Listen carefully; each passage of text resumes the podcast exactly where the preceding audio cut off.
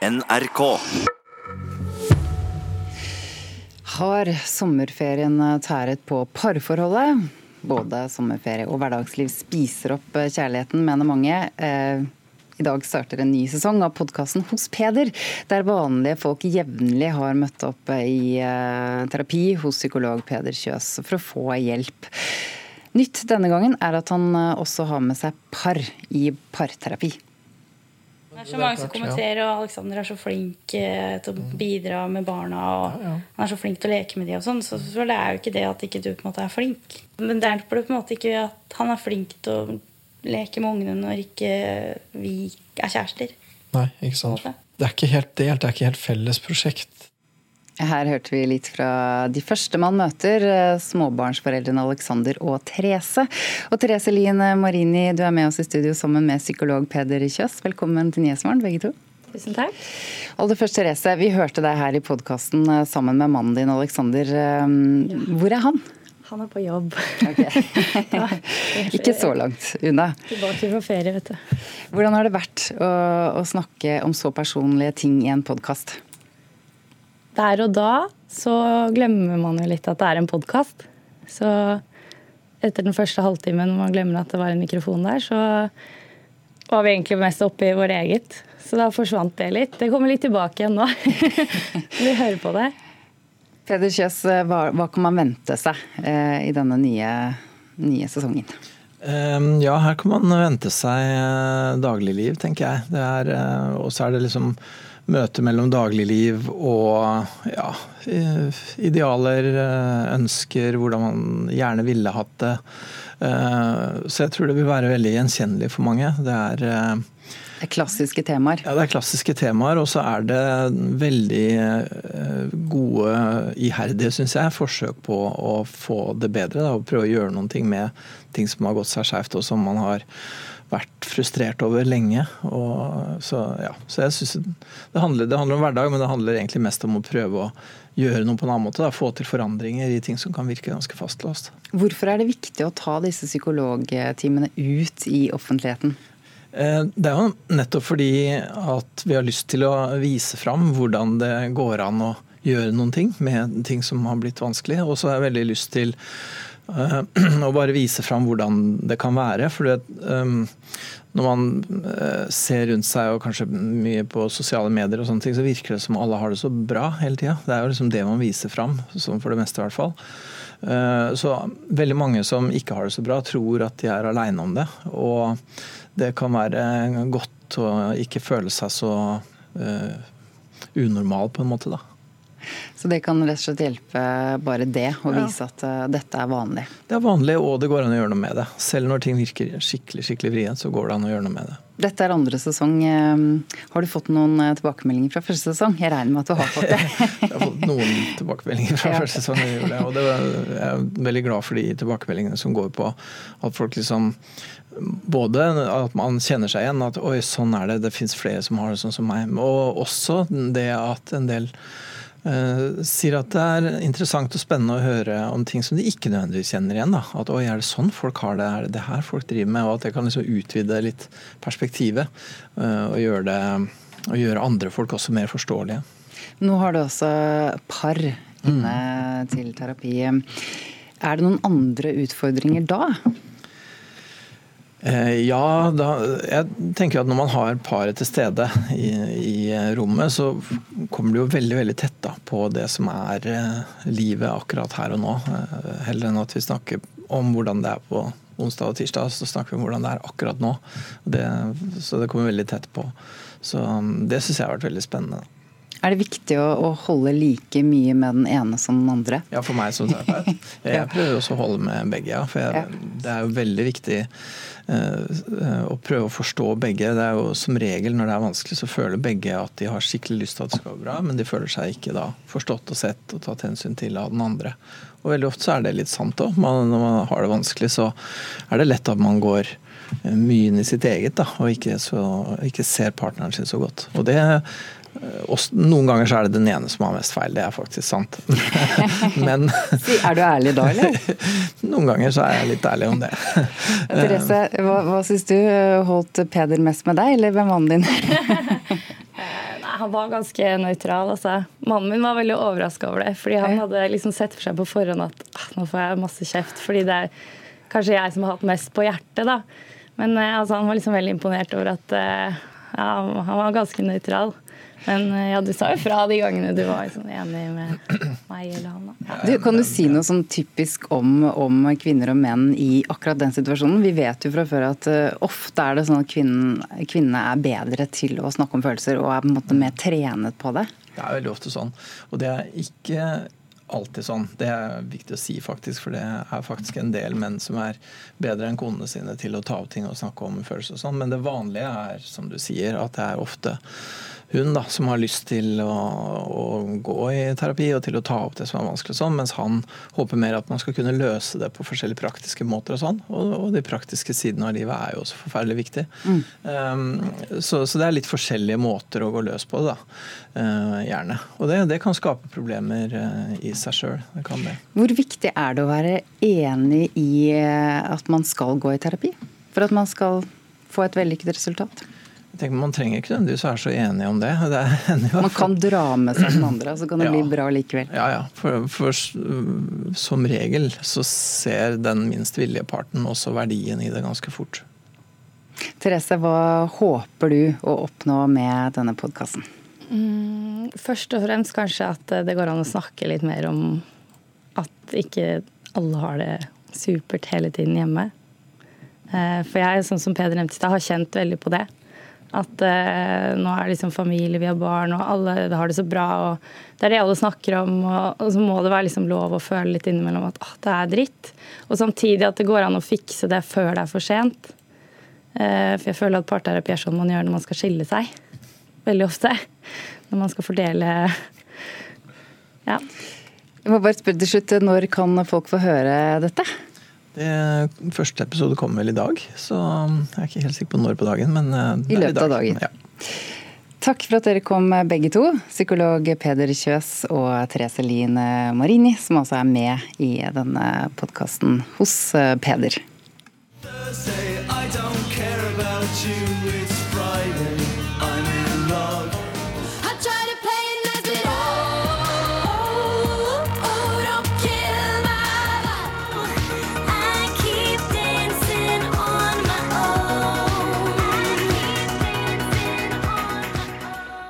Robin, The Cure og Sigrid sto på scenen under Øyafestivalen i år. Karpe var også på hovedscenen i øsende regnvær. Det er den 20. utgaven av denne festivalen i Oslo som er overstått. Det foregikk fra onsdag til og med lørdag i helgen. Musikkritiker eh, i NRK, Shana Matai, du har vært på post i, i Tøyenparken i Oslo gjennom hele festivalen. Ble dine forventninger innfridd? Jeg vil si det korte svaret ja. Men det syns jeg alltid Øya på en eller annen måte gjør. Det er en ganske forutsigbar festival. Det er en slags sånn trademark Øya-stemning som jeg tror mange vil tilbake til og tilbake til. Og den leverte i år også, det vil jeg absolutt si. Kan du sette ord på hva denne varemerkeøyastemningen varemerkeøya-stemningen er for deg? Ja, det, det, er litt vanskelig. Eh, men det er en slags uh, Oslo-essens i det. Eh, det er jo dette med, som man får på flere festivaler, med sol og øl og musikk og grønt gress. Som jo er kilde til mye glede. Eh, for mange. av Jeg er bare ute, ute den ene lørdagen. Eh, men selv da så er det en, en slags øyastemning der. Altså. Det, ikke en slags, det er det. Så jeg syns, i tillegg til at Lineupen var bra. Det var legendariske tungvektere, og det var hitmakere, og det var masse småkrydder. Sånn at alle finner noe å like. For nå nevnte jeg de store, kjente popnavnene, og ja, ikke bare pop, men uh, i hvert fall veldig kjente. Men hvem var høydepunktet for deg? Jeg må si at det var Erika Badu. Uh, hun har jeg hørt på i 20 år og hun er en legende for meg. Eh, hun er jo veldig eksentrisk og rar. Hvordan viser hun det? både i klærne og i eh, gestikuleringer og måten hun danser på. Men så synger hun jo som en gud. Fortsatt like bra som for 20 år siden.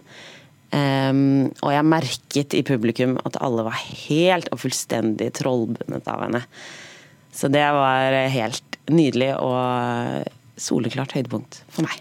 Det blir jo vanskelig å, å generalisere sånn, men hvem vil du si er festivalpublikummet på øya?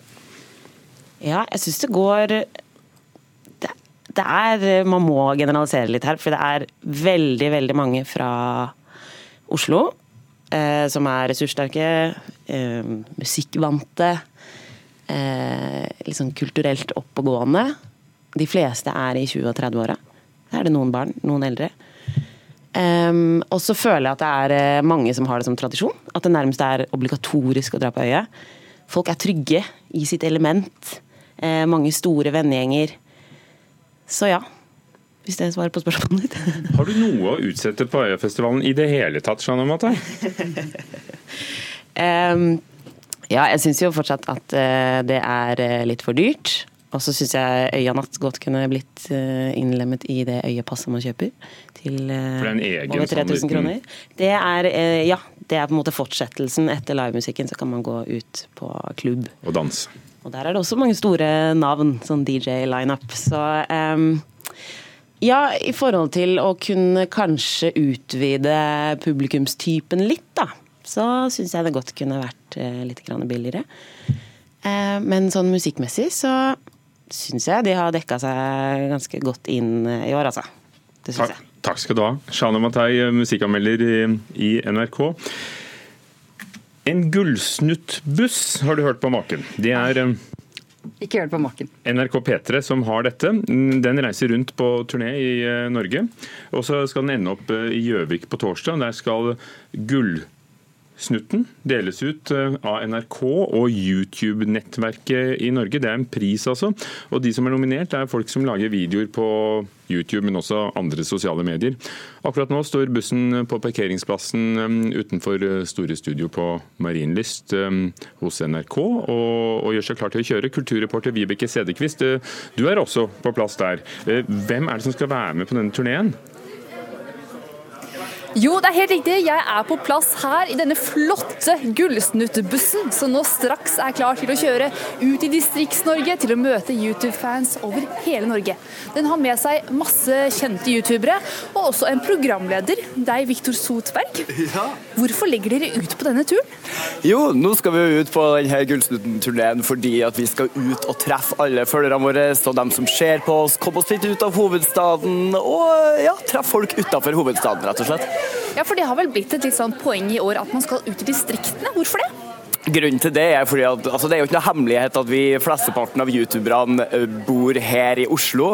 Og også alle nettverk er her i Oslo. Og nesten alle eventer som har skjedd rundt om youtubere, har vært her i Oslo. Så nå er det endelig på tide at vi på en måte kommer oss litt ut og treffer folk utafor hovedstaden også, rett og slett.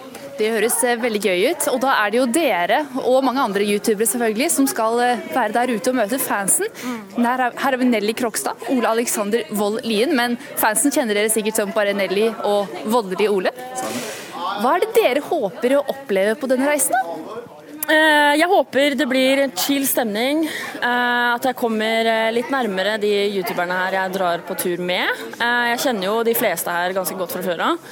Men uh, kanskje man kan uh, få til litt bedre bånd. Hva med deg? Jeg håper på litt sånn reality-stemning på bussen. At Vi får litt intriger etter hvert. Kanskje noen blir stemt av bussen. Det tenker jeg hadde vært gøy. Jeg vet hvem jeg skulle stemt da. Ja, du gjorde det. Ja. Sånn. Ja.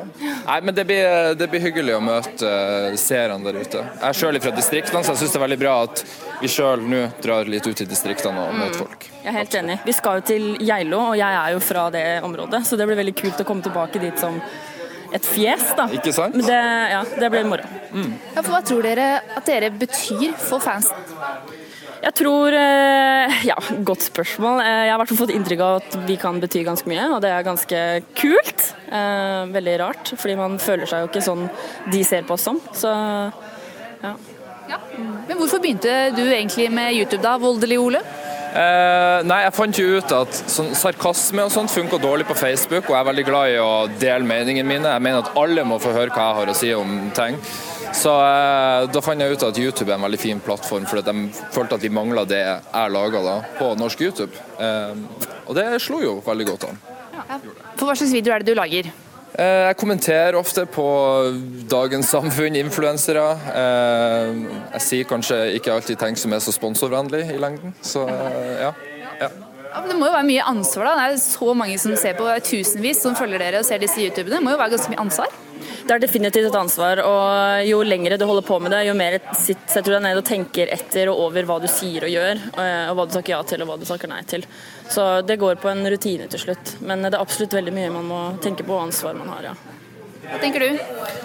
Tenker at det der er en evig læringsprosess for min del. At jeg innser at jo større man blir, jo mer ansvar må man ta overfor de som ser på. Eh, så ja, absolutt, vi har et ansvar. Eh, men det, det er vanskelig for oss som folk som kommer fra så å si ingenting, som plutselig gjør det bra på YouTube, og faktisk skjønner at vi har et ansvar.